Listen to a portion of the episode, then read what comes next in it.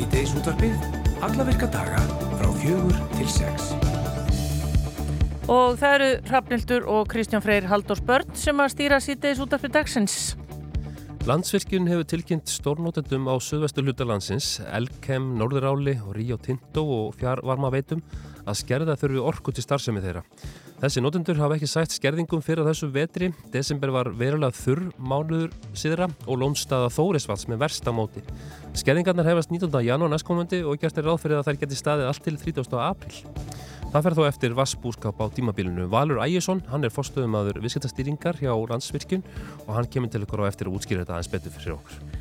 Jólin er á vissulega hátíð ljós og friðar en þau eru einnig hátíð ímessa ilma og það eru pipakökurnar, hangikjöti, mandarínur, ristaða möndlur og í sumum eldúsum er ilmurinn ekkert sérlega lokkandi þegar nærdegur þálagsmessu.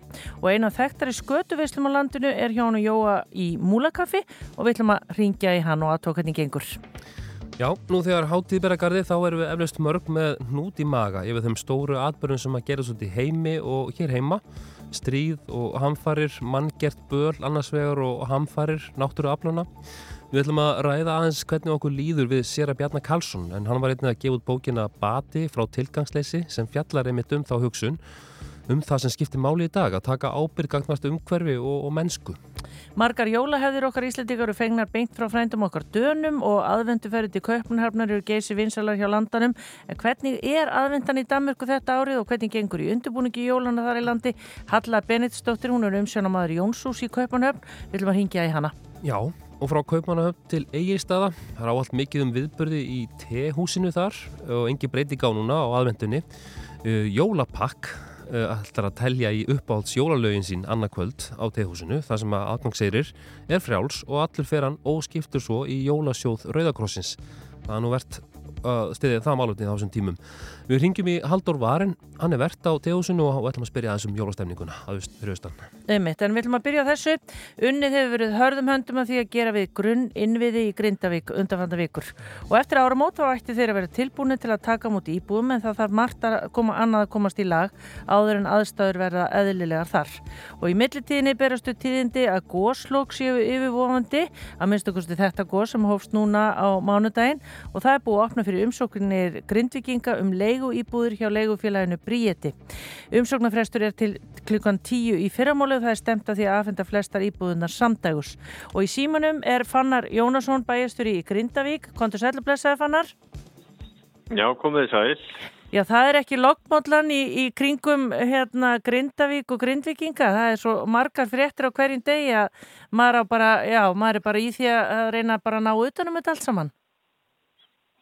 Já, það er mikið rétt. Þetta er ótrúlegir atbyrðir sem hafa verið gangið hjá okkur. Já, mástu ég segja fjögur ár með þetta hljöfum og, og kannski aldrei eins og núna þegar það góð sér bara svona rétt við bæjardirnar hjá okkur og, og þetta á verri stað heldur en hinn fyrir þrjú góðs en samt sem áður á betri stað, á kannski besta staðinum á þessari sprungu sem er þarna fyrir norðan okkur og og hraun hefur ekki ógnat byggð eða öðrum mannverkjum og þannig að, að með við e, útlítið eins og það var í, á málndórskvöldið eða um nottina þá fjóra kilometra góðsprunga og gríðarlegt sömflæði úr henni að þá er staðan miklu betri núna og vísindamenn hafa líst í yfir að mögulega síu góðslokk framöndan með svona öllum fyrirbörum. Já, ummitt.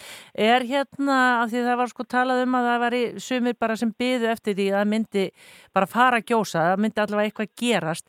Svo tilfinning hefur væntalega bara ræst hjá mjög mörgum en það er samt eh, svona mikil óvisa í loftinu. Varðandi bara hvað er að gerast þarna undir niðri?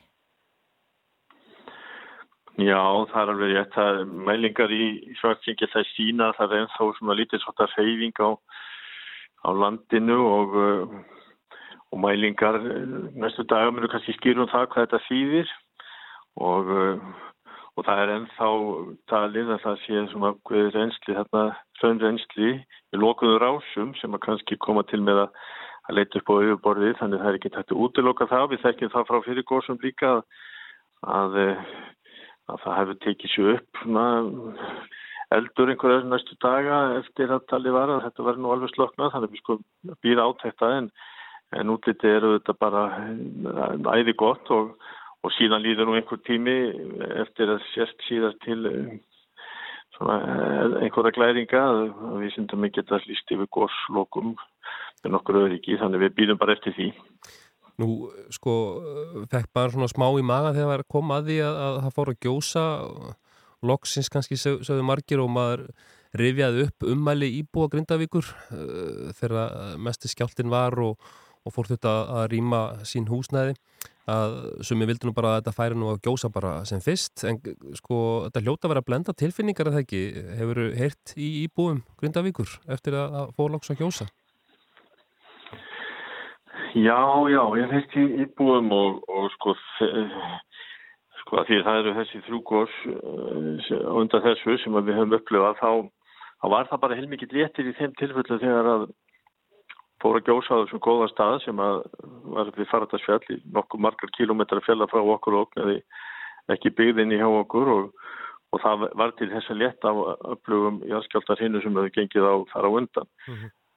það voru komnir eh, orðnir jæðskjáltar hjá okkur þarna þá því síðast í óttubér og og fram að 10. november og þá hugsuðum við náttúrulega sem svo, já, það var nú ágætt kannski að það myndi kjósa en ekki endilega svona nálat okkur heldur aftur við faradagsfjall, þá myndi þessum ennskjáltum linna en eins og gerðist í gagstæða hann fyrir að kjósa við sundnjúk og giga röðina og, og það er staður sem við höfum vitað af bara frá því að jarðfæringarnar fór að taka sér upp eða fyrstu jarðskjáltarnir hérna í janúar, februar 2020 var mjög slæmur staður eða gatt verið það Þannig að við, ég held að, ég held að þau, þau okkar sem voru að hugsa um, já, kannski er bara best að, að þessu linni, þessu jæðskólda sinum, að sjá á svona heppilegu svæðir, svo maður segja, að, að það voru náttúrulega, það var ískíkilegt að sjá síðan fjóra kilómetra górsprungur með öllu þeim hammagangi sem þar voru margfaldur sögnflæði sem var í fyrir górsum, komað þarna upp eins og topnar yfir þessu bara á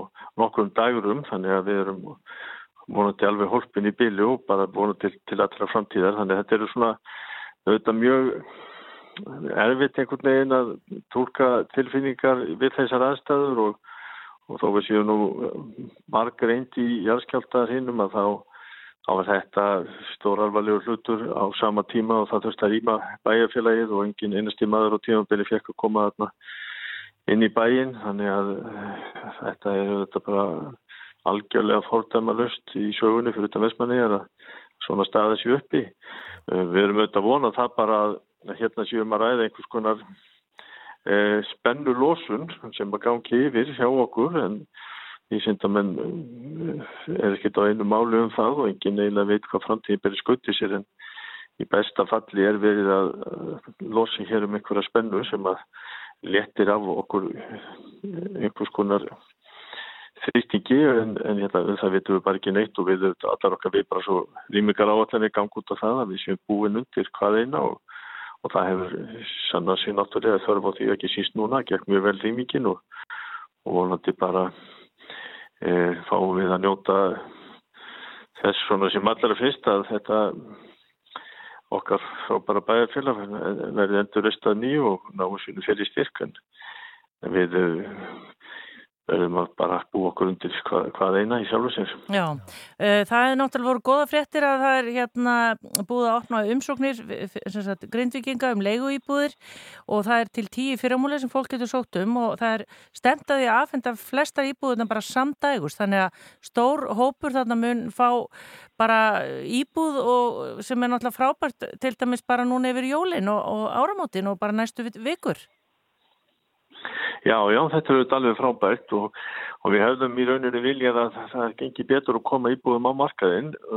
Það er ímislegt sem hefur verið í bíkjæði, við höfum fyrst að einhvern veginn að reynda þessu í framkvæmt og það er ekkit einfald staða þegar það er húsnæði skortur á eins og höfðborgarsvæðinu og og, og Suðunessjum og viðar og það hefur tekist samt ótrúlega vel til hjá flestum íbúum að finna sér húsnæði en allt og margir eru samt í ótryggu húsnæði og búa við óviðunandi aðstæður. Og, og ég er að vonast til þess að að ríkistjóðnin muni á sínu næsta fundi eða ég hef svona heimildi fyrir því að það muni að beita sér fyrir verulega auknum frambóð og húsnæði í samræmi við það sem að áform sem að hafa verið kortlög og og þá sé þetta koma helst öllum í, í viðunandi húsnæði vegna sem við erum að tala náttúrulega um, ja, við erum að vinna með það að, að fjölskyldu fólk með börn í skóla fleiti ekki hindi Grindavíkur þó allt gangi nú vel hjá okkur fyrir kannski lók skóla áfsins og það eru, það eru mánuðir þanga til og,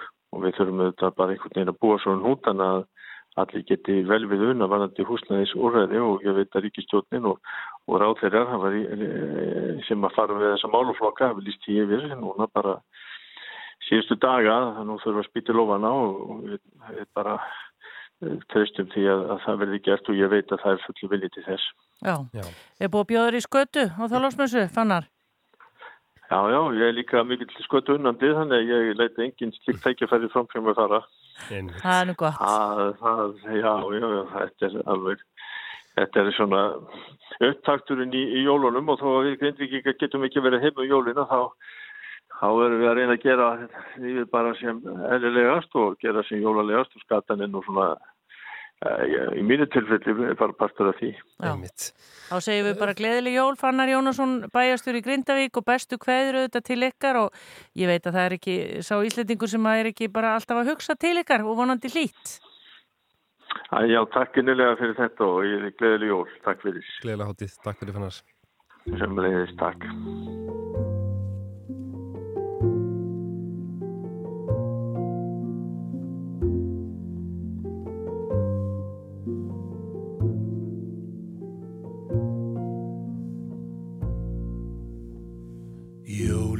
kertaljós og knús. Kani langan pipar köku hús. Jólin eru minningin um það sem einhver tíman fann sinn hjartastað og setti stað. Jólin eru gleð og glæni í bók. Gömul mynd sem einhver forðum tók. Jólin eru undur tekningin, það eru patslega eftir væntingin í sérkvært sinn.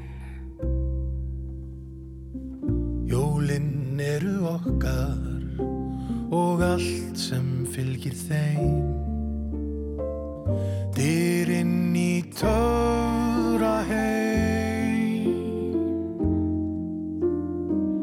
Jólinn eru okkar og hvernig sem allt fer ég óska mér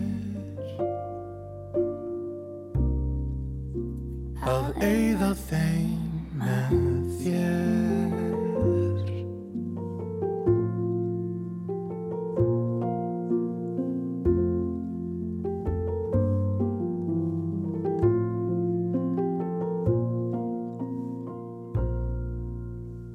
Jólin eru ljús árlindamál Lánætti og mandarínu skál Jólin eru tími fyrir blundal einhver tíma bæran endur fund við liðna stund. Jólin eru máðar minningar sem mildilega fegra allt sem var. Jólin eru sáttmáli um frið sem við gerum allan heiminn við hlið við hlið. Jólin eru okkar og allt sem fylgir þeim. Lýsa upp töfra heim. Jólin eru okkar og hvernig sem allt fer Ég óska mér að eigða þeim með þér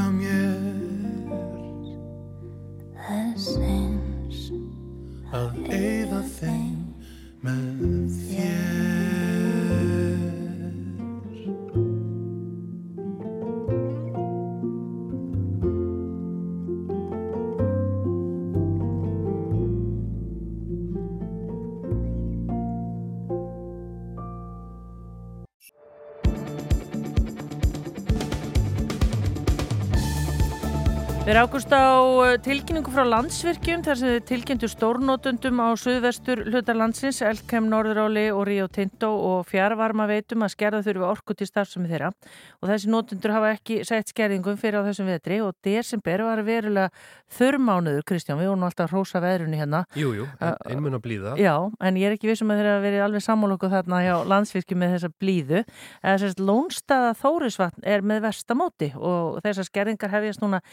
Lónstaða Þórisvatn er með vestamóti og þessar skerðingar hefjast núna 19 19. janúar næstu komandi og það er gert ráð fyrir að það geti staði allt til 30. april fyrir sem sagt eftir vassbúskap á þessu tímabili. Og hann er komin ykkar Valur Ægjesson sem er forstuðumæður viðskiptastýringar hjá landsvirkjun. Sælublesaður. Sælublesuð. Uh, ertu til í að útskýra þetta aðeins fyrir okkur hvernig þetta virkar nú, þetta með vassbúskapina því að sko ég held að eru ekki fyrir laungu búnir að sapna í eins og þórisvatn? Jú, sko það er nú þannig að eh, landsengjur rekur vassafskerfi landsins og við erum í grunninn með þrjú eh, megin lón. Við erum með hálslón fyrir austan, svo erum við með blöndulón fyrir norðan og svo er þóri svart hérna á söðvestu hodninu eða þjórsasvæðinu og það var þannig að hálslón og blöndulón fylltist bæði e, í haust en þóri svart náði engangu 80% fyllingu. Þannig vantaði 20% upp á að við værum í rauninni í hæstu stöðu. Uh, ef við horfum á svona heldarkerfi hjá okkur þá jafngildir þetta 93% fyllingu þannig að vann það 7% upp á. Og það er kannski þetta að byrja í láru stöðu ekki með fullaði batteri að hausti auk þess sem kannski veður far hefur verið óhagfælt í haust og eru alveg frá því í sumar. Þannig að það hefur verið lækkar hraðir í lónum hjá okkur en hefði gerst í svona meðalári. Já. auk þess sem að stórnótundur sem verið með uh, langtíma samninga við þeir markaði sem þeir starfa á hafa verið góðir, verða hafa verið há. Þannig að þeir eru flestir að fullnýta sína samninga þannig að það er aukin eftirspurt þar. Og svo höfum við líka verið að finna fyrir mjög aukin eftirspurt frá í rauninni sölufyrirtækjum rávorku sem selja almenningi orku, bara almenningi og, og, og, og smæri fyrirtæki. Þessi fyrirtæki eru nýju talsins og kaupum það byrj helminga þeirra orku sem að þau selja áfram til heimila og smæri fyrirtækja af landsökjun Þetta hlutvall hefur verið svona breytlegt mittl ára, hefur aðeins farið upp á við núna undirferðin ár og við erum að sjá bara mjög mikið stökk í eh, milli árna 2023 og 2004, við erum að sjá 25% aukningu. Er það rafbílanir? Um, ekki bara, en 25% aukning er mjög mikið og að því að orkursofnum gefur árlega út uh, spá, eða er ekki lót spá, með að spá fyrir mjög aukningu í nótkunn á þessu markaði og svona almennt er þetta ekki að vaksa svona 23% ára, þetta fylgir svona hávesti, mannfjölda, mm. solusbreytum, þannig að sjá henni tífaldu aukningu og rauninni, þetta getur stafað af í rauninni ymsu, að geta ykkur að vera að kaupa svo orku og selja eitthvað annað. En þetta er svona ástæðan fyrir því að við erum að sjá þessa stöðu núna í kerfun hjá okkur og gripum það til þessara aðgerða til þess að tryggja afhengingur öryggi og öryggi standi við okkar samninga. Já. Maður hefur ekki, ekki séð svona tilkynningu áður eða allavega mann maður ekki eftir því en hefur þetta gerst áður? Já, þetta, já, þetta hefur, hefur gerst áður og í rauninni má segja sko staðin í Þórisvatni þannig að í rauninni síðustu fjögur ár hefur Þórisvatni ekki fylst Mm. Það er alveg eðlert að fylgst eitthvað hverja ári en við höfum kannski að fyllast kannski annarkvært ári eitthvað leis og kannski það þarf ekki nöðslega að fyllast á hverja ári en fjóri röð er, er ansið mikið. Uh, það er stórt. Það er stórt. það er stórt. Samt ekki stærsta lónuð okkar. Nei. Hálsson er stærra, hálsson fyrir austan. Já. En hins vegar er mikið svona ójafvægi í, í kerfinu, í rauninni svona frambóðu eftirspiln og þannig að flutnings getur mitt í landsluta. Já Það er hlutvarslega meiri framlegsla á norðu-östurlandi heldur en nótkunn og þá hlutvarslega meiri nótkunn en framlegsla á söðu-vesturlandi og svo er henni fluttningskerfi í rávorku sem séum að flytja orkuna frá er henni virkunum til nótenda. Það er ekkið af landsneti og það er henni þessum kvöldum flöskuháls í kerfinu. Þannig að það er ekkert að flytja ótakmarka orku frá norðu-östurlandi til söðu-vesturlands og henni ef að kerfi verið sterkara að þá hefðu ekki þurft að grípa til þessara aðgera núna. Já, en það, það er sem sagt væri hægt að tengja þau saman eða hvað? Já, já, og það er alveg á áallinu landsnets og hérna, en þau hefur kannski lendið einhverjum áskorunum með það og, og, og slikt, en þau eru að búast við kannski núna að kerfi verið sterkari kringum árið 2030. Já, en hvað veldur, ég menna, hvað er svo með, sko, bara tökum þórisvatn, ég menna, þetta eru átnarið það ekki og þetta er líka rigning og ég menna, hvað Já, svona grunnurinn af vatnun í lónum okkur er að koma frá einni bránin jökla. Já. Þannig að það er langstæstu hluti sem kemur þar. Hluti kemur svo líka úr með bara svona grunnvarsrensli. En einni kannski, já, stæstu hlutin kemur af bránin jökla og við höfum verið að sjá einni undarfæraðin ár og einni á það greiningar sem við höfum framkvæmt er að við erum að búast við meira einasli út af hlínun jarðar sem er kannski ekki goða frétti hlínun jarðar en það ætti einni að vera að skila meira einasli í, í lónin. En hins vegar höfum kannski verið bara að sjá það núna síðustu eins og núna bara þessu ári að þá er kannski bara sögulega látt gildi sem, sem er að koma. En, en það er ekki að við getum fengið mjög gott ára næsta ári. Þannig að þetta er bara svona óháðir atbyrðir Og svo alltaf eru það þessum tíma það sem að raf orku notkun landsmanna er náttúrulega sem mest er það ekki, hátt til ljós og friðjar.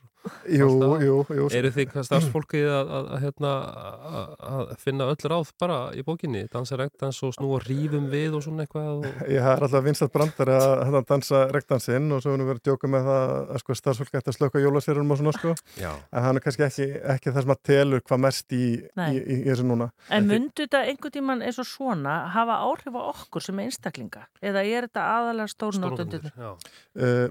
Landsökjun mun alltaf standa við sem skuldbindinga gagvart almennu nótundum og er henni þau sölufyrirtæki sem hafa gert samninga við landsökjun um það að kaupa á rávorku, það er svo kvöldu forgangsorka og það er orka sem er henni ekki hægt að skerða. Þessar skerðingar sem er núna, þetta er henni við skerðingar og aðala sem hafa henni bara sami um það á sínum tíma. Henni fyrsta aðkynna sem fórum í var núna fyrsta desember að þá takmörkuðu við afhendingu til þeirra aðala sem að er henni greiða lagstaverðið og er henni gegn því að vera tilbúin að fara fyrstir út. Og þetta eru fiskimælsbræðslur og þetta eru gagnaverð sem er í rafmyndagreftinni svo er henni fylgdist við vel með stöðunni og svo þá uh, mátu það þannig núna í, í, í þessari viku að grípa til frekar aðgerða. Og þá var henni næsta stig og þá er það er henni stórnótendur sem hafa samið um það að þessi hægt að minka nótkun hjá þeim og þetta er bara innifælið verðin og mjög vel skilgreint fyrirfram, þannig að þetta kemur inn engum og óvart, algjörlega samkvæmt samningunum Mhm. þannig að þeir það draga úr sinni nótkun og þetta tilkynum við með mánaði fyrirvara og ástæðin fyrir því er að til dæmis svo reyka álver, það þarft alveg tíma til þess að bara breyta hennu rekstra áallunum og svoleiðis til þess að svona lámarka tjón fyrir, fyrir reksturinn Já. og það er það sem við gerum vikunni, tilkynntum um, um þetta og þá rauninni munu álverinn og aðri stórnótendur draga úr nótkun sinni frá með 19. januar og þetta á einni við um fjarvarmaveitur sem að sjá um húsitun á köldum svæðum. Já, en hvað með sko ef að veðrið breytist, þú veist, er ekkert sem gerist núna, segjum bara að myndi bara snjóa eða rigna alveg stanslust og, og ég menna hefði það ekki áhrif á eins og Þórisvatn, eða hvernig? Það hefur alltaf, alltaf áhrif, Já. en hins vegar kannski núna komin inn í þann tíma ársins Já. að kannski úrkoma þessa fellur, að það er líklega að hún falli formi uh, uh, snjórs og það myndi það skila sér í vor þegar að það fyrir að hlýna aftur og snjór fyrir að brána. Já. Þannig myndi ekki skila sér kannski beint núna. Mm einmitt. Þannig að kannski svona við erum að horfa á að í rauninni staðan fyrir að snú, nú er þetta alltaf að lækka í lónunum að staðan snýst við að fyrir að svona aukast í vor og það getur gerst í mars, april, mæ, það er svona mismund eftir árum Já. og svo endar í einhverju hæstu stöðu þarna í júli, ágúst, eitthvað slags. Þetta er forröndilegt, þetta náttúrulega tekur auðvitað tíma og maður svona sér fyrir sér myndina einhvers stað sem maður sá í námsbókunum um ringrás vats og það allt saman en þetta náttúrulega gerist ekki kannski bara eina helgi í umhleypingum að Nei, í nei. Nei, algjörlega, en við höfum alveg séð kannski og sérstaklega fyrr á höstin, kannski í, í oktober og november, þá getur svona einhver góð höstlæð, hún getur alveg skila miklu. Já. Mm. En kannski, það er mun minni líkur á því núna þegar við komin inn í þennan ástíma. Já, um það. Valur Ægjesson, fórstöðum að viðskiptastýringar hjá landsvirkjun, takk fyrir að koma til okkar í síðdegisútvarpið og útskýra þetta fyrir okkur. Já, takk fyrir og gleðli jól. Gleðileg jól. hátíð.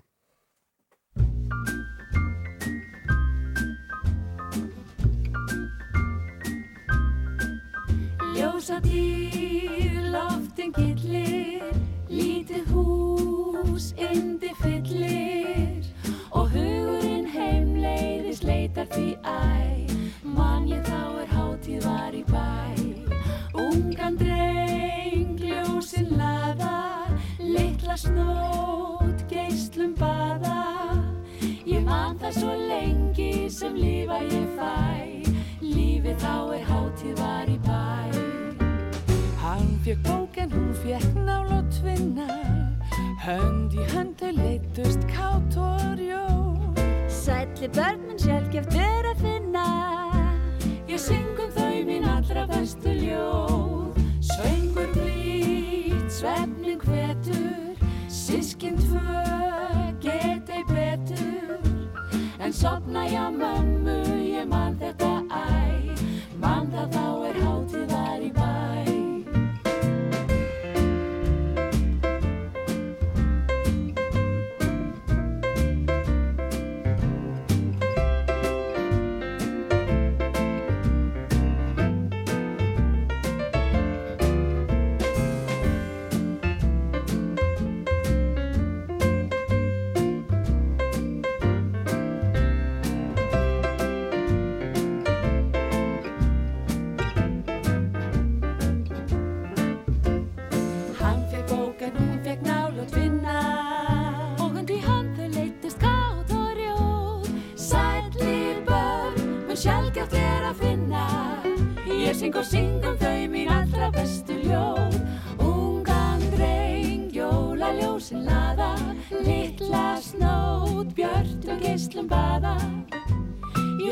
svo lengi sem lifa ég fæ.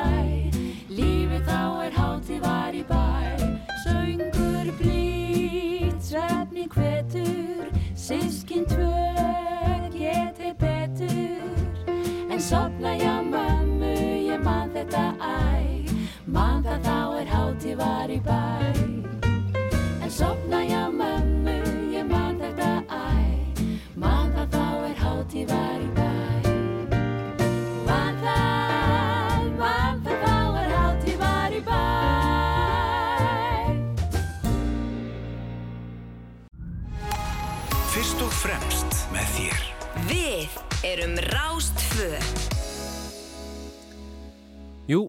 uh, nú þegar hátíð beragarði þá erum við öflust mörg með hnút í maga yfir þeim stóru atbyrjum sem er að gera út í heimi og, líka hérna heima. Stríð út í heimi, hamfarir hér, manngert böl annars vegar og hamfarir náttúruaflana.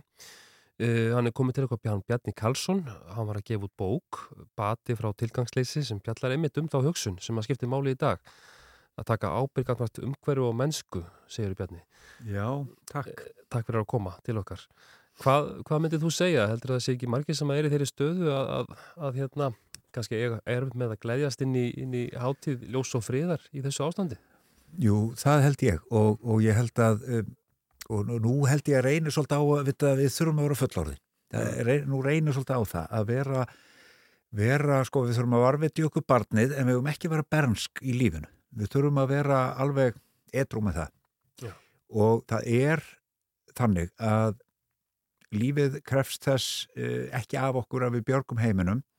Heimurinn ætlar ekki að láta bjarga sér og uh, en það sem við þurfum að gera er það að við þurfum að hafa stjórn og sjálfum okkur og við þurfum að gera það sem í valdi okkar stendur og það er, sko, og það er svolítið svona skilgreiningin í mínum huga á, á heilbrigði í raunveruleikan Mm. af því að það er náttúrulega þannig við þurfum ekki sko hörmuleg stríð og svona manngerðan viðbjóð uh, eða náttúruhamfarir til þess að, að lífið ofbjóð okkur, það er bara venjulegt líf.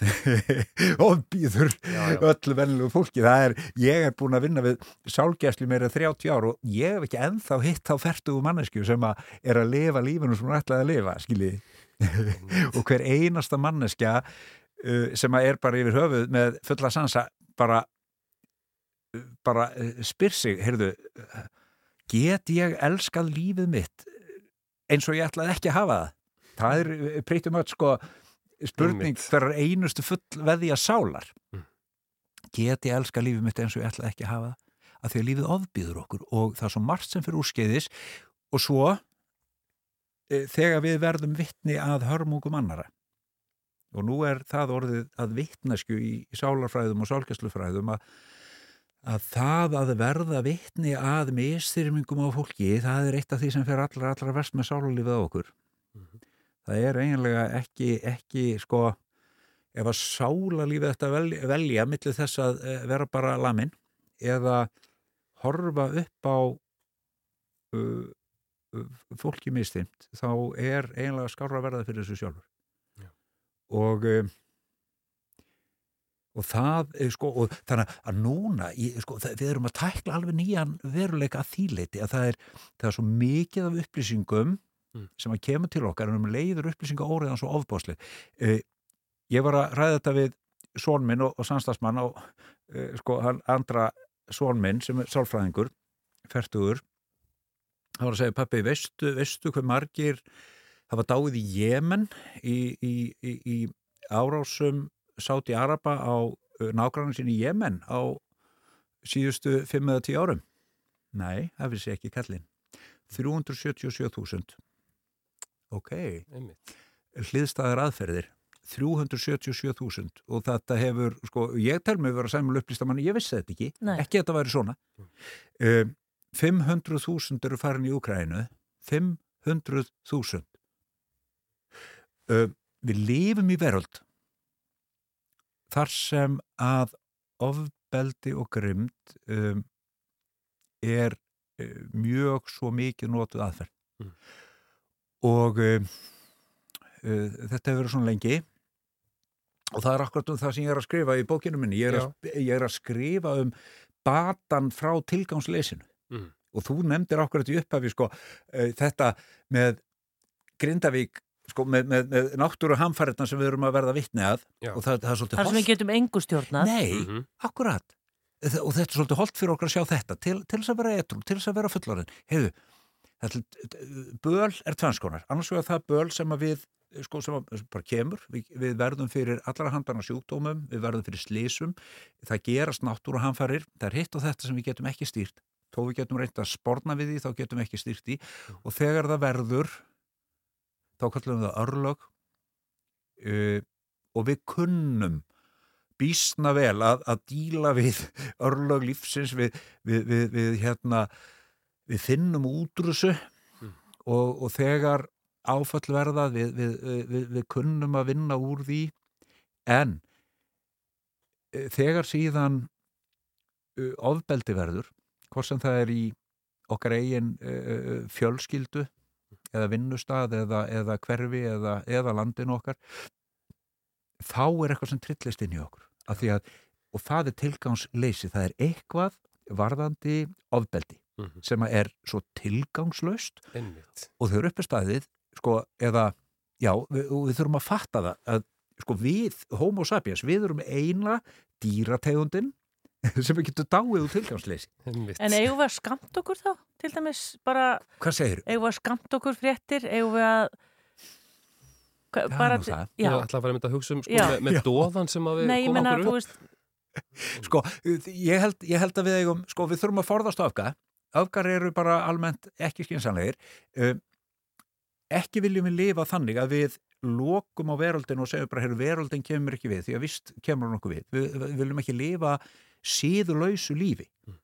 Og að því leiti sem að, uh, að því leiti sem að, að, að uh, kannski þægindi mín eru byggð á þjáningum annara, að því leiti sem þægindi mín og sko þægindu okkar allra er á einhverju leiti og, og, sko, við, sko, og við varum að horfst í auðvið það þar, þar er hinn vonda samviska sko, eða hinn særða samviska margt af þægindum okkar í lífinu eiga sér rætur í annara böli það er, það er, og, við, og við þurfum að skoða það við þurfum að horfa á það Einn stöðið er annars bröðið. Já.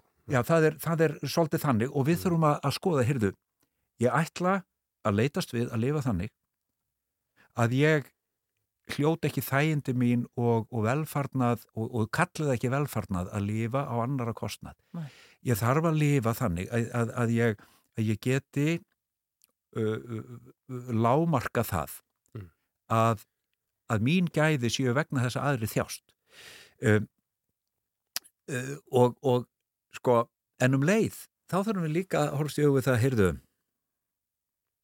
ég lifi í heimi sem að er er eh, Við þurfum að halda sönsum, sagður á. já, við þurfum að halda sönsu sko, það, við, við erum sko, við, við- við notum frumstæðar aðferðir til þess að lifa af En þú talar um að við þurfum að vera svolítið fullorðin í þessu öllu saman. Já. Finnst þér ekki að við séum bara alltaf mikið að sækja í bara einhvern veginn dóða við þessu öllu saman? Við erum að sjá þetta allstæðar eins og þú segir, þetta er í öllum miðlum Mhm.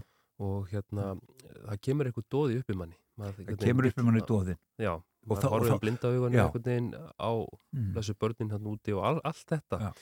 en hérna, við sínum auðvitað samhug mismunandi hátt auðvitað en, en hérna það að vera fullorinn í þessu öllu saman það er bara að, að halda sönsum í getnum þetta og, og kunna gleðast líka eða Já, að þá, huga sjálfum sér. Já, og það er einmitt, sko, takk fyrir, sko, það, það er akkurat þetta sem ég er að meina þegar ég segi, sko, að vera ekki síð, sko, láta ekki þægind okkar byggja á síðleysi, um, um leiðu við mögum ekki missa, við mögum ekki missa hausinn, sko, hvernig fer ég að því? Ég var að sætta mig við það að e, góð samviska er ekki bóðið fyrir fullotna í þessum heimi, e, ég get valið mill þess að hafa slæfiða samvisku eða særða samvisku. Mm. Slæfið samviska, þá, þá er gott að nota áfengi til að slæfa og, og, og það er hægt að, að, að líka fordóma og almenna stæla. Það er mjög gott ef ég vil slæfa samvinsku mína, þá get ég alið á því og líka það að sko hafa ekki upplýsingar Eh, ef ég vil, ef ég lifa, vil lifa við slæfiða samvinsku, en ef ég ætla að lifa með opna samvinsku sem er raunverulega vakandi þá er hún alltaf særð og um, og ég held ekki að það sé annað í bóði en að lifa, ef ég vil lifa siðlegu lífi þá þarf ég að, að, að, að sapna upplýsingum eins og vel og ég get. En um leið sætta mig við það að um, sko ég er ekki ég er hvorki, sko ég er ekki Gandhi ég er ekki Jésús Kristur, ég er ekki Nelson Mandela ég er, ég er maður út í bæ ég gerir mitt besta Mhm. og og svo e, og, og þegar ég er búin að ná að, að, að, að kingja því þá skulum við sko, þá, þá skulum við í alvöru vinna að mannréttundu, við skulum í alvöru vinna því Já. að vera eh, sko, s, því að það er hægt að slæfa sig með góðgerðum, það er hægt að, slæfa sig með því, heyrði, ég gef hérna tíðu skall bara í eitthvað, næs Mhm. og þar með er ég off the hook og læt mér að öðruleitis á sama standa, ég er búin að henda í pottin sko ef að við erum raunverulega siðferðilega manneskur þá, þá hljótum við að gera þá kröfa á okkur að við ástundum það að byggja upp samfélag þar sem að við erum næm fyrir mannlegum þörfum og gerum raunverulega eh, sko, virðum almannahag. Mm. það sem ég er að segja hérna í þessari bók Já, það, Já. eh, þú hefur talar hérna um sko að þarna flettist saman veralleg og trúaleg hugsun um það sem skiptir máli í dag að taka ábyrg akkvæmt umhverfi og mennsku. Það er kannski svolítið svona sem að rammar að inn eða eitthvað. Það rammar svolítið inn og það eru, það eru sko það sem að ég er daldur mikið að horfa á það að við lifum í, sko menningin okkar er þannig.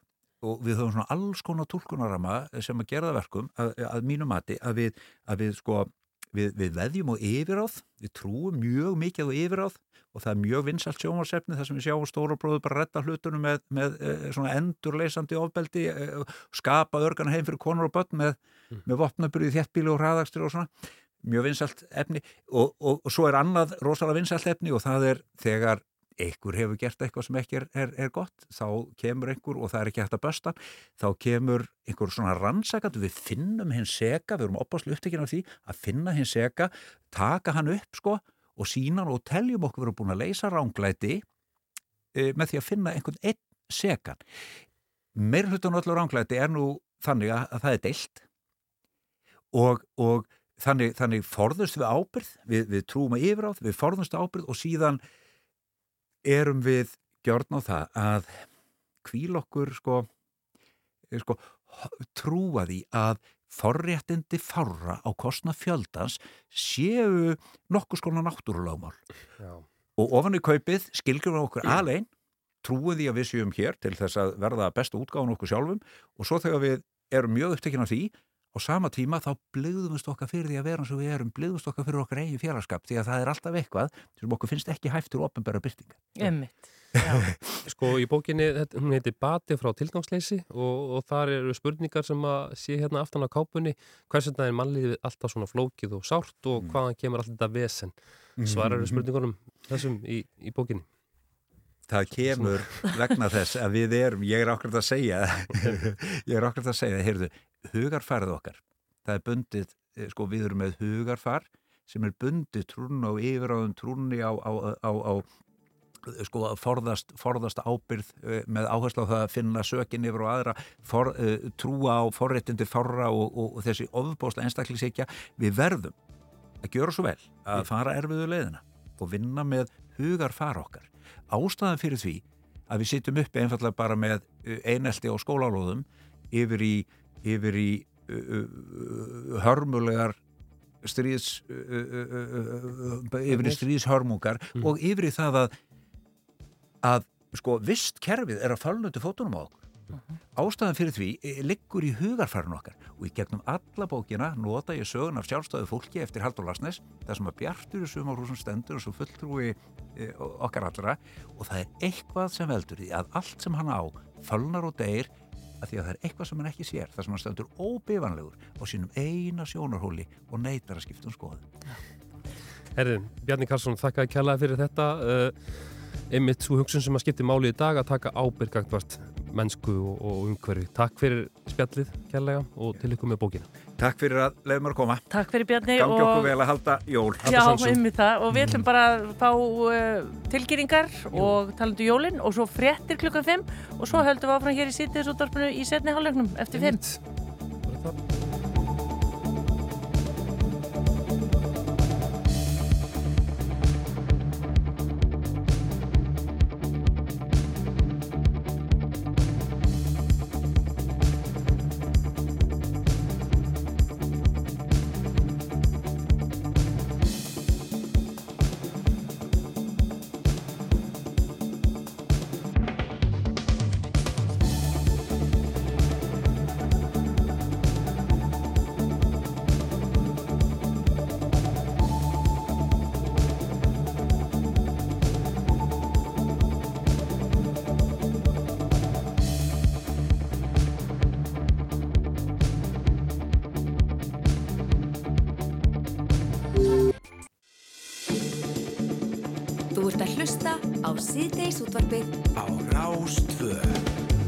Það held ég nú verið nú ennþá að meðtaka hérna það sem að Bjarni Karlsson var að reyna að imprenta ykkur, er, svona ef við bara í einni setningu eigum við að reyna að vera bara góð sjálf og í góðu jafnvægi? Já, það allavega hjálpar heilmikið. Einmitt. Ég held að það sé að svona útgangspunktur góður. Já, einmitt.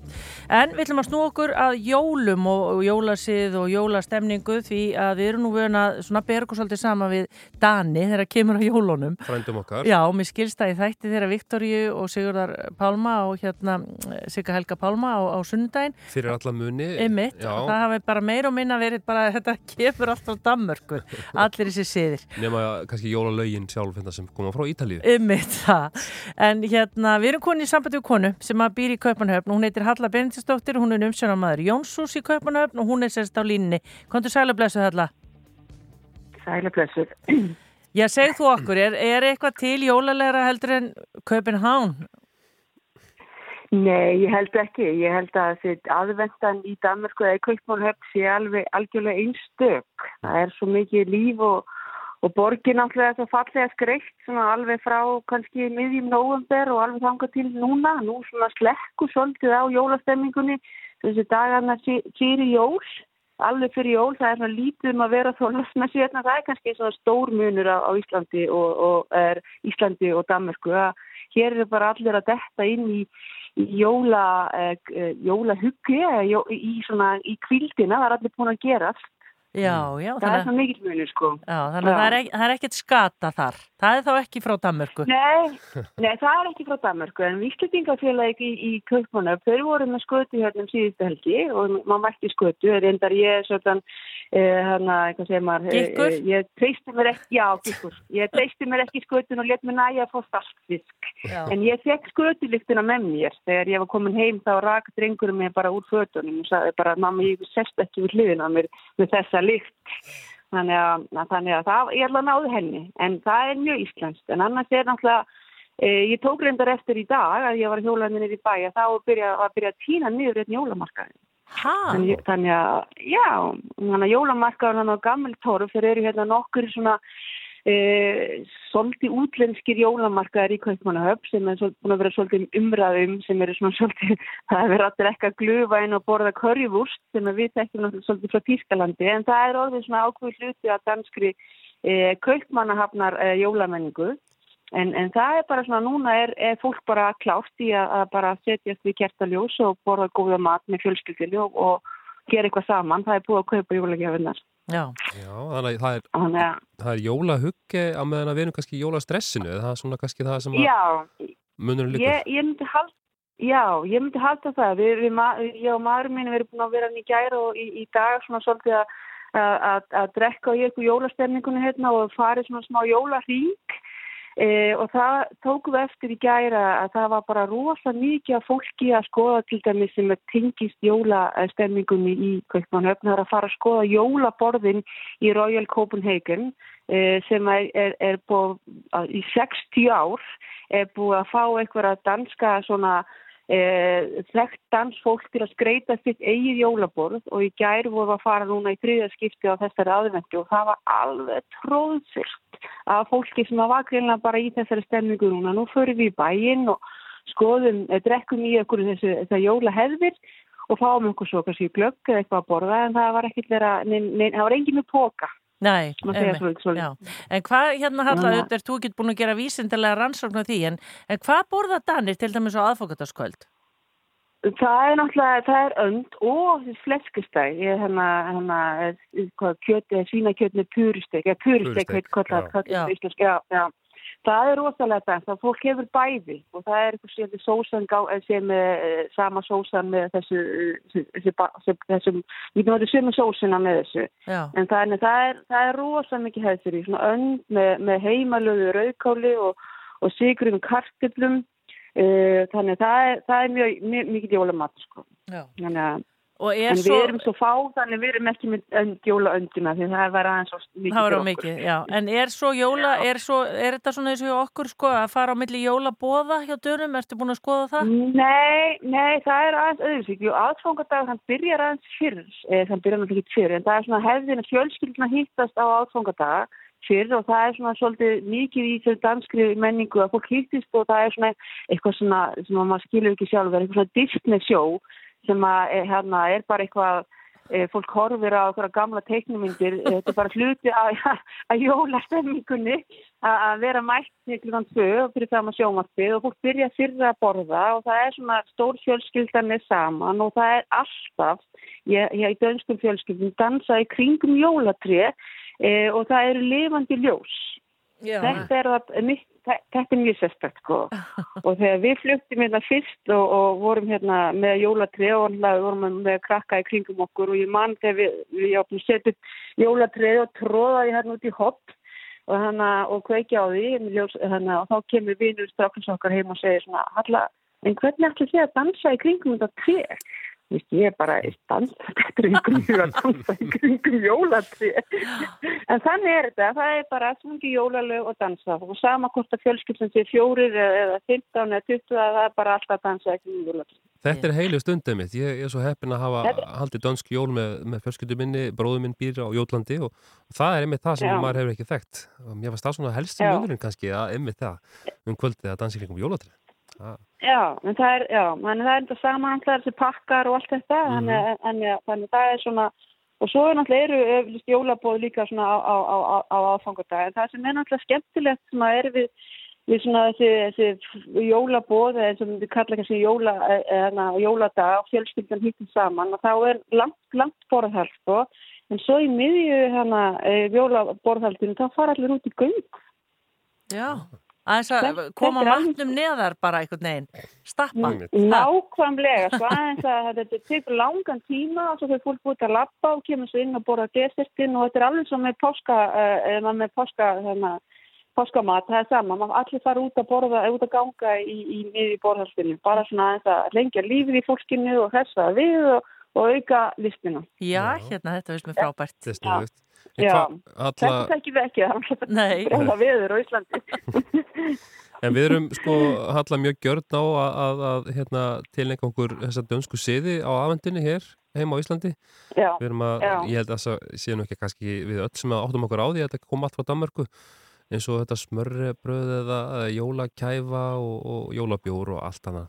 Er eitthvað sem að Nákvæmlega. þú saknar sérstaklega frá Íslandi? Er það konfektið eða Mm, hangikjöt? Uh, ég, sko, ég hangi kjöti, ég fæ ég er hérna heppin að það er náttúrulega alveg stríðist döymur á fjölskyld og vini sem að leggur leifinum til Danmarkur eða kaupmanrafnar aðvendinu þannig við fáum að hangi kjöt og svo hefur við núna, gerðum við í fyrsta skipti, gerðum við, gerðum við laufabröð, það er íslensku bakari hérna í Kaupmannum sem að selur bæði steikt laufabröð og ósteikt. Núna keftum við ósteikt hjá henni og, og skárum út sjálf, það var mjög gaman að vera sérstaklega að vera með dana að- að skera út laufabröð sem að Þannig að aldrei hvorki séð svona kökur eða prófa að skera út í þetta. En það var mjög skemmtilegt sko. Já, En annars sakna maður svo sem ekki, e, það er svo mikið, nei, það er ekki mikið sem að sakna nema náttúrulega þessi fjölskyldunar. Það er náttúrulega, e, maður finnur fyrir því að hún er annar staðar þegar kemur að, að þessum, þessum dögum, jól, aðfangadag og jóláta.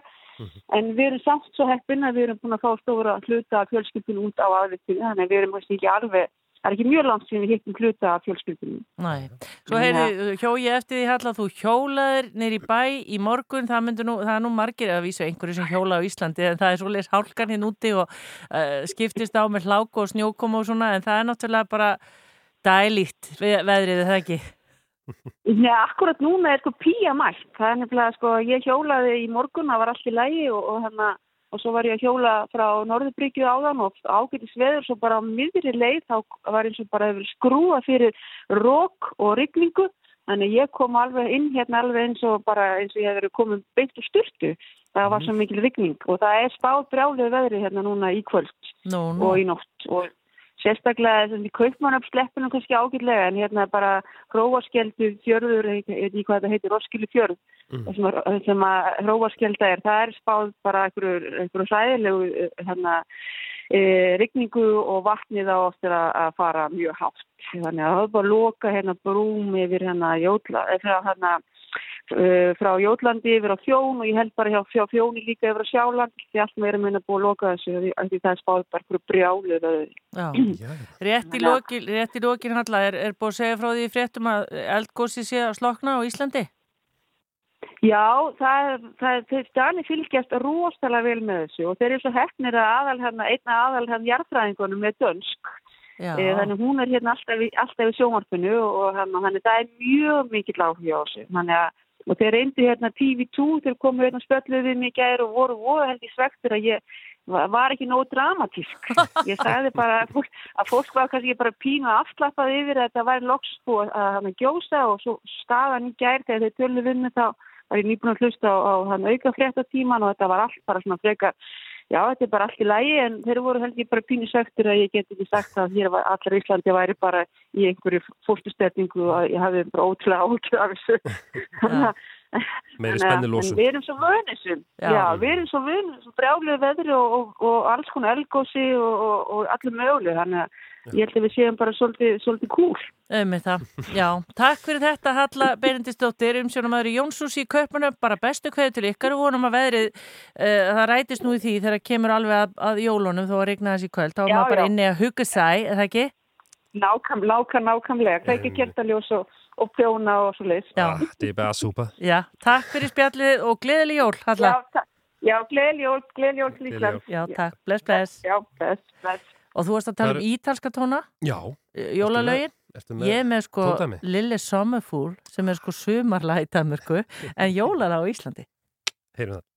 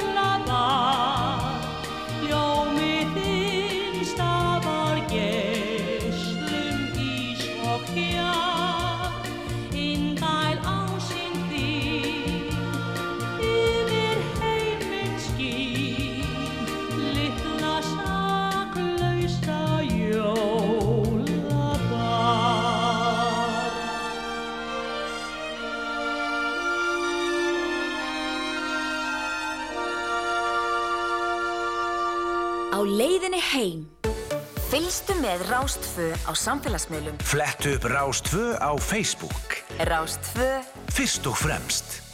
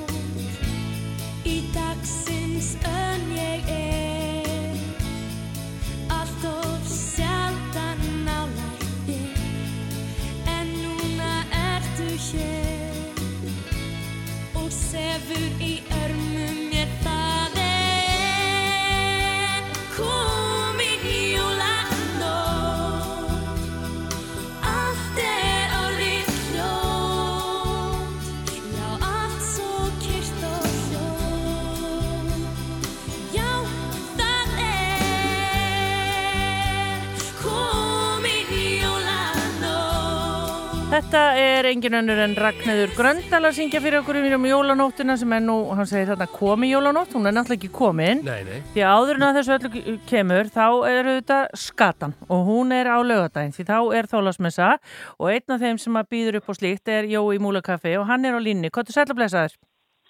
Já, komið salversuð. Já, segð þú okkur, hvað er nú undirbúningu búið að standa lengi? Já, hann er, hann er nú bara að standa lengi maður og, og hún bara er bara stundin nálgast stóri dagurinn eins og maður segir.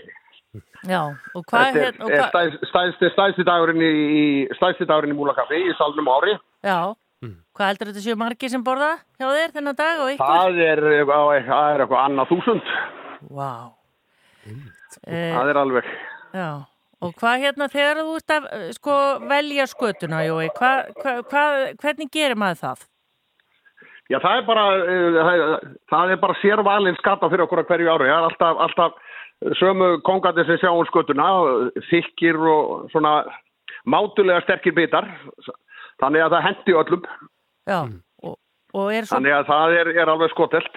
já, Og er, er, er tvennslags eða er þetta, eh, hvernig? Nei, hjá okkur er það náttúrulega bara svona eh, eins skata og, og við erum náttúrulega með saltfisk á, alltaf á, á móti þessu fyrir þá sem borða ekki sem borða ekki skötu en það borða allir skötuna hjá okkur það er engar ákveð því Hvernig er með gestina? það er alveg Já. Jói, hvernig er með gesti í Múlakaffi? Er, er þetta er fasta gestir eða er, þetta að sjá eitthvað, einhvern þráð í þessu? Er, er, er unga fólkið að Já, skila sér? við bara, við sjá, já, það er, það er fólk á öllum aldri og Mhm. konur og kallar og, og það, það er alveg ótrúlega flóra sem kemur til okkar á þólasmessu. Það er eiginlega svona, það eru svona nokkri dagar á árið það sem að kúnahópurinn svona stokku breytist eins og maður segir. Það er eins og, eins og svona kringu þorran, skötuna, salkjótt og bönir. Þá bara sér maður allt öru í þessu fólk. Já.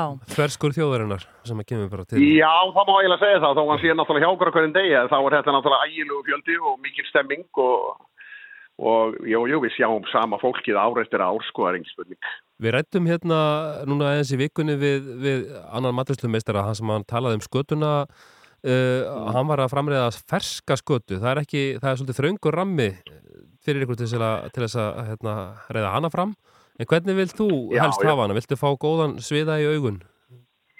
Já, já, ég, ég veit hafa hana svolítið, ég, ég er ekki þessi með þetta vestfiska blóða að það bara leki úr augunum á manni og, og maður alltaf getur tala og maður er með að setja þetta upp í sig. Ég vil hafa bara svona bara góða skötu. Já. Bara, mér finnst það best. Ég vil hafa hana þykka og svona hafa hana bara mátulega kæsta. Þannig að það er, það finnst mér og mikið að róum, róur alveg möst með þessu. Já, einmitt. Og svo, og tólk, eða hvað, hamsa tólk. Já, já, svo morfiti. Já. Það er, þetta er alveg skotelblanda, trúið með því. Já. En hérna verður ekki, sko, maður hugsa, sko, svo er náttúrulega bara eldhúsið í múlakaffi, svo þarf að vera að bjóða upp á eitthvað allt annað millir jól og nýjás og svo nýju ári. Þú veist, er ekki, eru ekki lengi að losa ykkur við skötu bara lyktina sem að kemur? Nei, veistu að þetta er þeirra ótrúlega fljótt, sko. Þetta er náttúrulega, það er allt þrýfið og ræstað og opnarnir, þryfnir, sótreisaðir, fljótt að fara. Já. Þetta er bara þegar maður kemur heim eftir þetta og maður vel makkara ammónegi og góð bara jólasturta og þá er maður til í, í rjúpuna daginn eftir. Já, frábært, ég minn, þá bara segjum við, og hvenær ætlar að opna eldhúsið á lögadaginn? Við ætlum að opna eldhús, ég get alveg lofa þér því að það verður komið byður hjá okkur hálfvellu. Hálf ellefu? Já, Já, þá verður það farið að standa, þá verður komið röð nýr á ormólanum, nýr á hallamólanum, ég trúa því. Já. Laugadagur og gríðaleg stemming, mikið búið að ringja og, og ég held að þetta verður bara alveg geggjað. Já, og það er ekkit borðapandanir, maður verður bara að sig Nei, við það að fara í röð. það er bara því. En þetta gengur ótrúlega rætt og, og það er bara partur af stemminguna að vera í röðinni og, og býða eftir skötunni. Jólina, það er ekki jól fyrir Nei, ég man náttúrulega röðin í Hollywood var hérna í nánast sama húsi, maður var nú þar oft í Já, fjöri. Já, þú þekkir það. Akkurat. Það er ekki búin að gleyma því. Nei, það er ekki búin að gleyma því. Kanski sama röðin sem Nei, var nei. ekkert. Já, já. En hvernig með, Já, þú sagði... þetta er miklu meiri röð. Já, en þú talar um að þú væri ekki endilega með vesturska blóði með þér í þessu en, en ert að bjóða upp á hnóðmur, ert ekki að fá einhverja vesturinga í hús? Já, við erum, við erum með nóðmör en það, ég verð að segja alveg svo er að það eru afar fáur orði sem að taka nóðmör. Já. En það verður að hún verður að fylgja. Já, Einmitt. einmitt. Við segjum bara bestu hverjir Jói, múlakaffi, gangi ykkur bara rosa vel með þetta allt saman og bara verður ykkur á Já. góðu. Herðu sömulegst og takk, takk fyrir að hingja og gleðilega hátíð. Gleðilega hátíð, bless, bless, takk. Gækja, bye bye. Já, hann tek, tæklar þetta. Ég borðaði þarna fyrir nokkrum árum, einmitt á þessum degi, náðu nú að fara þarna og þetta, eins og hann sagði, þetta gengur mjög hratt, þú, þú ert ekkert mjög lengi inni, þú bara borðar þetta, Einmitt. samt rosa hugulegt Akkurat. og svo bara út. En nákvæmlega sko. Þetta þekki, þekki ég vel að vestan sko sjálfur, þannig að ég, einmitt, þessna veldi ég aðeins byrja út í hnóðmurinn sko, en, hva, ég, en ég hef nú hvernig ekki er smekk. hann? ég ekki, ég hef ekki smakað það. Já, þetta er, ég er nú ekkit mikið smekk fyrir þessu sko, en þetta er nú bara tólk, sem sagt, eh, kindamör, geimdur okkar hríð, þetta er náttúrulega allt þetta, geimslu, geimslu hérna aðferðnar og Ah. allt var þetta skemmt veginn og, og já, eins og ég segi, ég er hérna, ekki það ég sé mikið meira í, pizza og patsa en hvað sem þetta heitir allt saman en þá kannski gaman að það er gaman að heimsækja þessa gömlu síði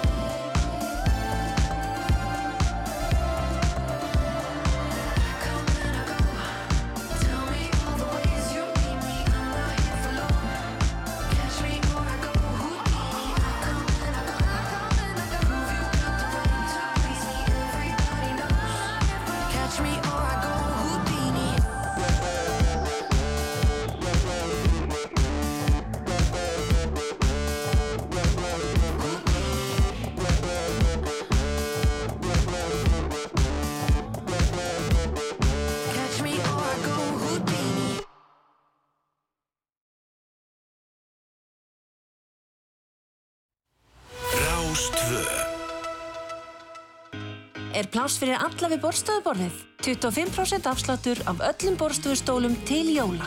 Frábært úrval af fallegum og vönduðum borstofustólum. Ylva Kauptúni, Ylva Akureyri, Ylva Selfossi og vefverslun ylva.is. Gefðu tilhlökkun, upplifun og ógleymanlegar minningar í jólagjöf.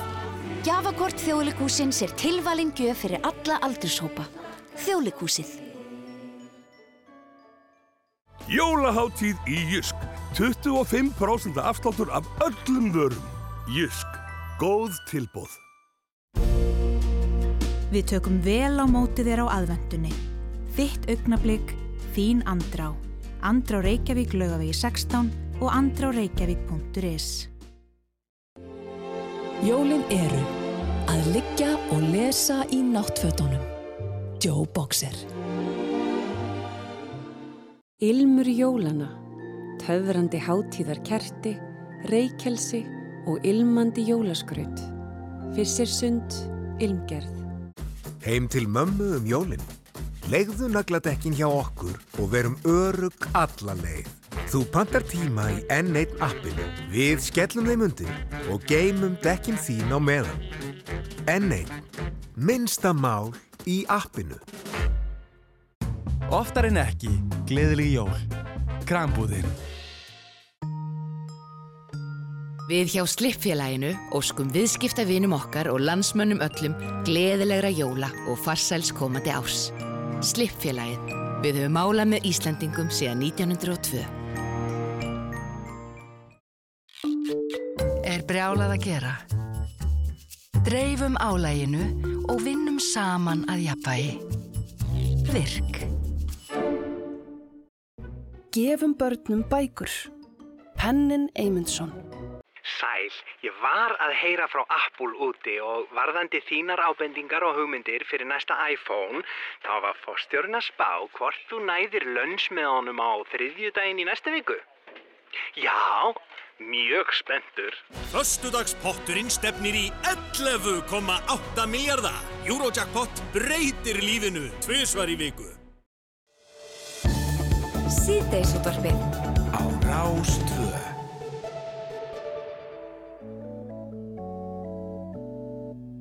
Hver læðist inn í svefnarbergi og lætur pakki skó meðan litlu börnin sofa í ró. Það er einn jóla, jóla, jóla sveit, kannski hann gátt að þefur jóla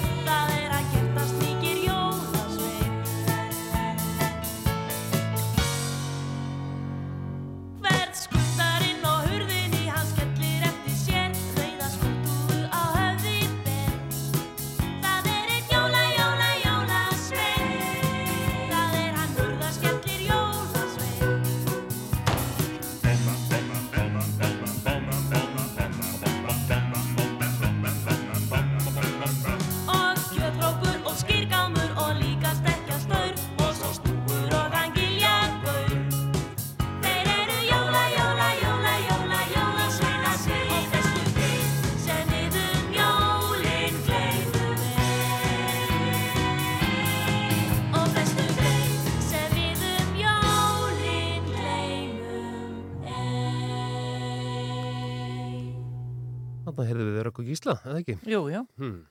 En uh, það er áallt, er áallt mikið um viðburði í tehúsinu á eigistöðum og engi breyting núna á aðvendunni og á morgun þá allar uh, samansafn góð stólistafólks sem að kalla sig Jólapakk að telja í uppáðs jólulöfin sín og aðgangsir er frjáls og allur rennur hann óskiptur í Jólasjóð Rauðakrossins.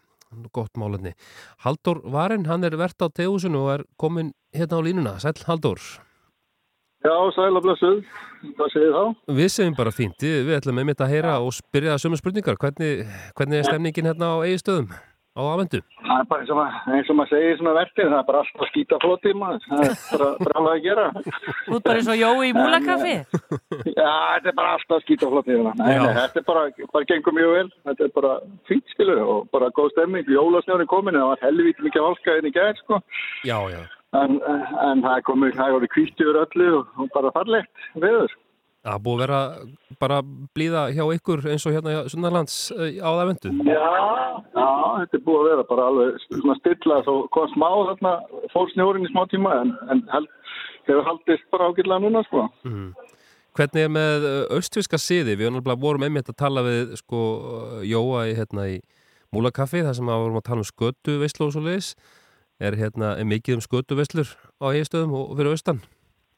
Já, það er svona kannski ekki mikið en það er náttúrulega að menn eru nú búin aðeins að finna þetta út með saltfísnum og svona sko þannig að svona flesti geti og jafnveg bara fisk sko þannig að það er Það er hérna veit ekki hús í bænum sem heitir Salt og svo Bóka kaffi fyrir norðan sem ég veit svona, svona næst mér sem, að, sem er með, verður með skötuveislu á, á Við höfum nú sleppt í svona því að við erum nú hostel hérna alveg ofan í, ofan í uh, allan húsin, til húsinu þannig að að það var ég nenni ekki að fara að viðra allt út, út eftir, eftir þessa, hennan óskapna eins og ég vil kalla þetta þessa lykt, lykt, lyktar, lyktar venjur svona þannig að En hvernig... En við sleppum þessu stegin í tegjóðsunu. Já, einmitt.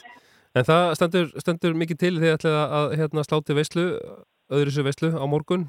Uh, jólapakk, við hérna hjugum eftir þessu, sáum hérna viðburð okkur, fannst þetta áhugavert. Eh, segðu okkur aðeins frá þessu. Hvað er jólapakk? Já, það er bara uh, hópur uh, velviljandi tónlistafólk sem að, alltaf til að gera allt fyrir alla og hérna Fyrir nokkur mánu því ég opnaði tegúsi þá komum við að, að hérna, máluðum mig og þau tókum við hérna jólatónleika sem hefnust vel. Svo náttúrulega uh, kom svolítið og það, þetta var nú í streymi mjög eitt árið og nú er komum tími til að við tökum þetta alveg á fullu, fullu blasti aftur og þetta er, já ég segi, þetta eru, þetta eru bara ja, fremski flokki Nanna Ímsland og, og, og maðurinn hennar Frík Sviðrik Jónsson. og þau bara, þau hittast bara svona sæmilega, sæmilega undan og, og taka, taka svona stofuæfingar og þetta er allt badmakt fólk, ég voru að horfa mitt á æfingu núna frá um daginn, þá sendið inn á netið og þá voru sjö börn sem að hengu í kringu þau en, en, en núna já, já, en svo er þetta bara frekar áslegt, þau, spila bara hérna alls konar jólalög og í alls konar útgáfum og Já. mikið rattað og þetta er svona ákvörstek fílingur og, og henda bara mjög vel hérna í tegúsi og, Já. og hafa látið þetta náttúrulega hinga til fyrir, Rauðarkrossjóðun þótt ég held, held að ég búið að setja þarna, það útluta núna sko en, en það fer það bara næsta ár sko. Já, já, einmitt. Þið hafa gert þetta áður eða hvað? Síðustu árin eða? Já, já, þetta hefur alltaf verið þannig, það er bara flýtt inn og, og, og það er þarna frjálsframlu og, og reynda, reynda en ég ætla að vera aðeins harðari núna sko, ég mátti að standa hérna bara og, og selja inn í raun sko, menn ráða hvað ég setja inn að því oft, oft fylgir nú kannski ekki á, maður kemur og segir að ég legg svo inn. Og svo Já. gleymist það bara svona eins og í öðru. Þannig ég ætla að það eru frjálsframlu en það verður bara í lok kvöldsins verður bara vita hvað, hvað fer mikið yfir á reikningin sko. Og hvena byrja herligheitin? Já, þú spyrir mig maður, þú verður ég að kíkja þetta, ég, ég, ég er að ruggla öllu hérna saman þannig að ég held að það sé nýju, þetta er nú ágættis svona, ágættis, ágættis, jú, það er nýju á morgunum á förstu dag, nýju, en ég er að ruggla saman að Ari, Ari Eldjarni nefnist í kvöld hérna í, í hérna Varaskal og ég var aðeins að ruggla, þannig að það er allt brjálað að gera hérna, hérna. Og er mikið búið að vera um viðbyrðið hjá okkur upp á síkastið? Tónleikar? Já, og- hjá mér er búið eiginlega bara líka við um hverja helgi svona eitthvað, Mhm. núna í, núna í desember og það byrja að bóka staðins inn á eftir árum og svo var náttúrulega ég segi valaskjálfsúsin líka með í gangi sko. Frábært, þannig að maður á að mæta með peningamorgun, ekkit vesen og þetta fer allt í Já, góðan. það þú mátt bara, þú mátt, ég, skal- ég skal taka festlíkjörni. Já. Sko. Já, það er bara, við þurfum að styrkja, styrkja bankana og, og þarna fæslu hyrðana. Þannig að þeir fá nú eitthvað fyrir jólingrein. Já, með klukkan Þannig nýju. að það er allt til að nýju á morgun er, er bara jólapakk. Já, mitt. Allu tilhegandi. Gaman að heyri þér og bestu kveður austur, Haldur Varen, Já, tegumsinu. ekki. Frábær, gleðilega hátíð. Bless, bless. Takk, takk. Þetta er flutningur sem að áttu sér stað í vikunni við Gíslamartis á síðasta, síðasta föstu. Þetta eru hjónin Helgir Hafn og Tína Dikko. Já, algjör dásend. Við erum að hlýða á þetta.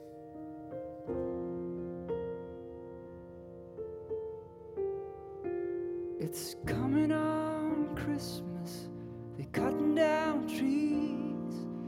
They're putting up reindeer and singing songs of joy and peace. Oh, I wish I had a river I could skate away on. But it don't snow here. It stays pretty green. I'm gonna make a lot of money and I'm gonna quit this crazy scene. Oh, I wish I had could skate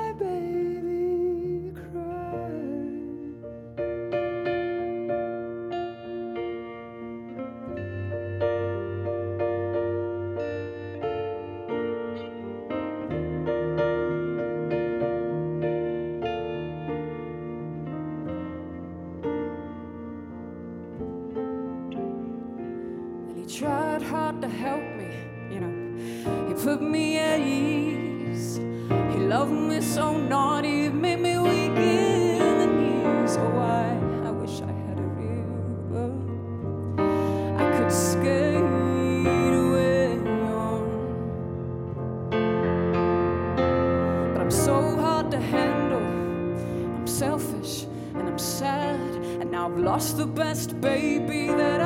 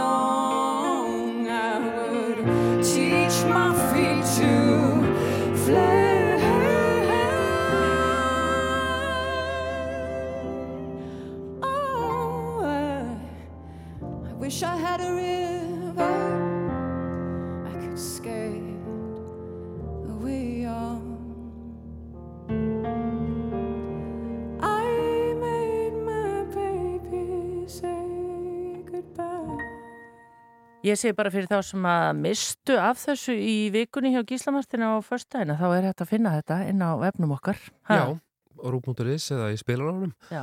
Þetta var alveg dásendar flötningur hjá þeim hérna Helga Ratni Jónssoni og Tínu Díko og þau eru að halda tónleika held ég á nýja ári. 15. mars er í hörpu Einmitt. og hérna, og ég segi svolítið lindamál. Já, Af því þau eru, vorum að tala um þau hérna, þau eru voru svo fræg, í, Mhm. þau eru frægar í útlöndum heldur en á Já. Svo sá ég helgarhafn út í búð. Ég var í Nei. búð, stórmarkaði. Þá var hann í búð og svo, æ, allir finnst ekki gott að búa í Íslandi. Já. Engin þekkt hann í búðinni. hann er bara eins og við hinn. Já. En nú er hann kannski að hlusta hugsa, hvað er hún að bylla með þetta? Ég Já. get sagt það líka að Já. danskur bróðu minn, þar að segja, sem býr í- einmitt til staðan, Já. hann einmitt hrindi fyrir nokkur mánum og spurði mig, herðu, hvað er þetta, þú ert ekki búin að segja mér að Tína Dík og hún býr bara á Íslandi? Já, og þú eru ekki sagt orð. Ég þekkti ekki þá til hennar, sannlega gera það núna. Uh, við ætlum að aðeins að fara yfir veðrið er það ekki ægilega síkilt það er náttúrulega sko hálkan var slík því ég var að koma inn Já. í vinnuna í morgun farið varlega, núti Guðuna bænum, Ha? farið varlega og svo er þetta náttúrulega afskaplega dimmt hjá okkur. og svo átt að snjóa fyrir norðan mjög mikið það ekki? Það er sko norðvestan og norðan eh, 5-13 metrar á sekundu og víða jél en þurft að kalla Suðaustalands frost 2-12 stig og herði smá saman á frostinu skils mér.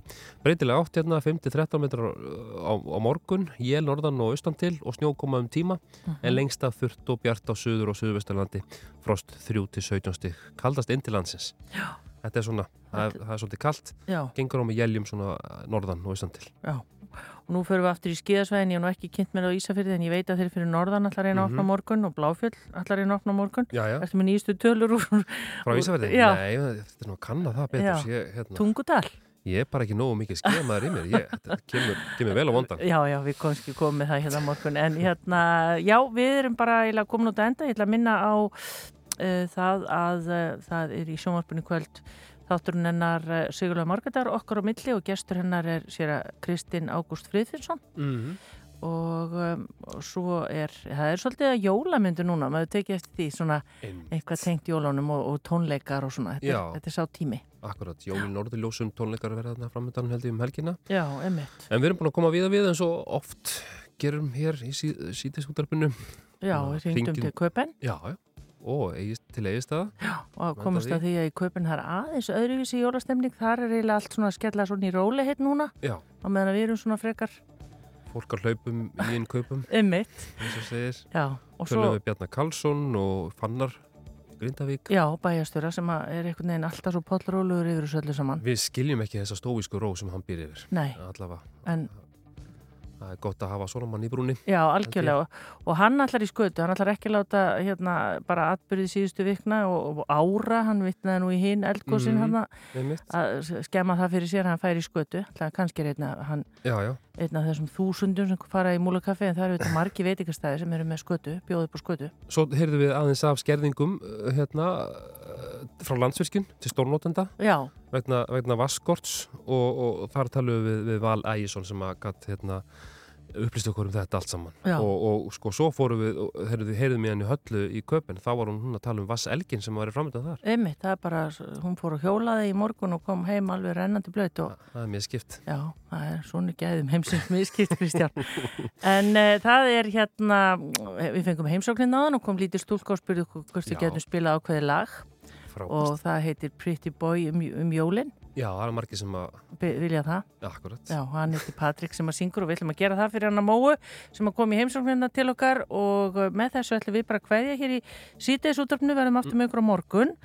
Ég og Júlía Margrét verðum hérna síðasta dag fyrir jól Einmitt. og hérna og svo heyra, heyra hlustundir í þér aftur á milli jólun í árs. Algjörlega. Já. Takk fyrir að hlusta í dag. Einmitt. Og við endum þetta á Pretty Boy um jólin og við heyrumst á morgun. Takk og bless. bless.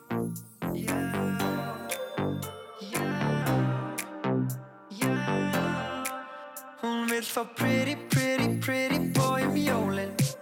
Hún vill að lykti vel, syngi vel Allt sem að hún óska sér.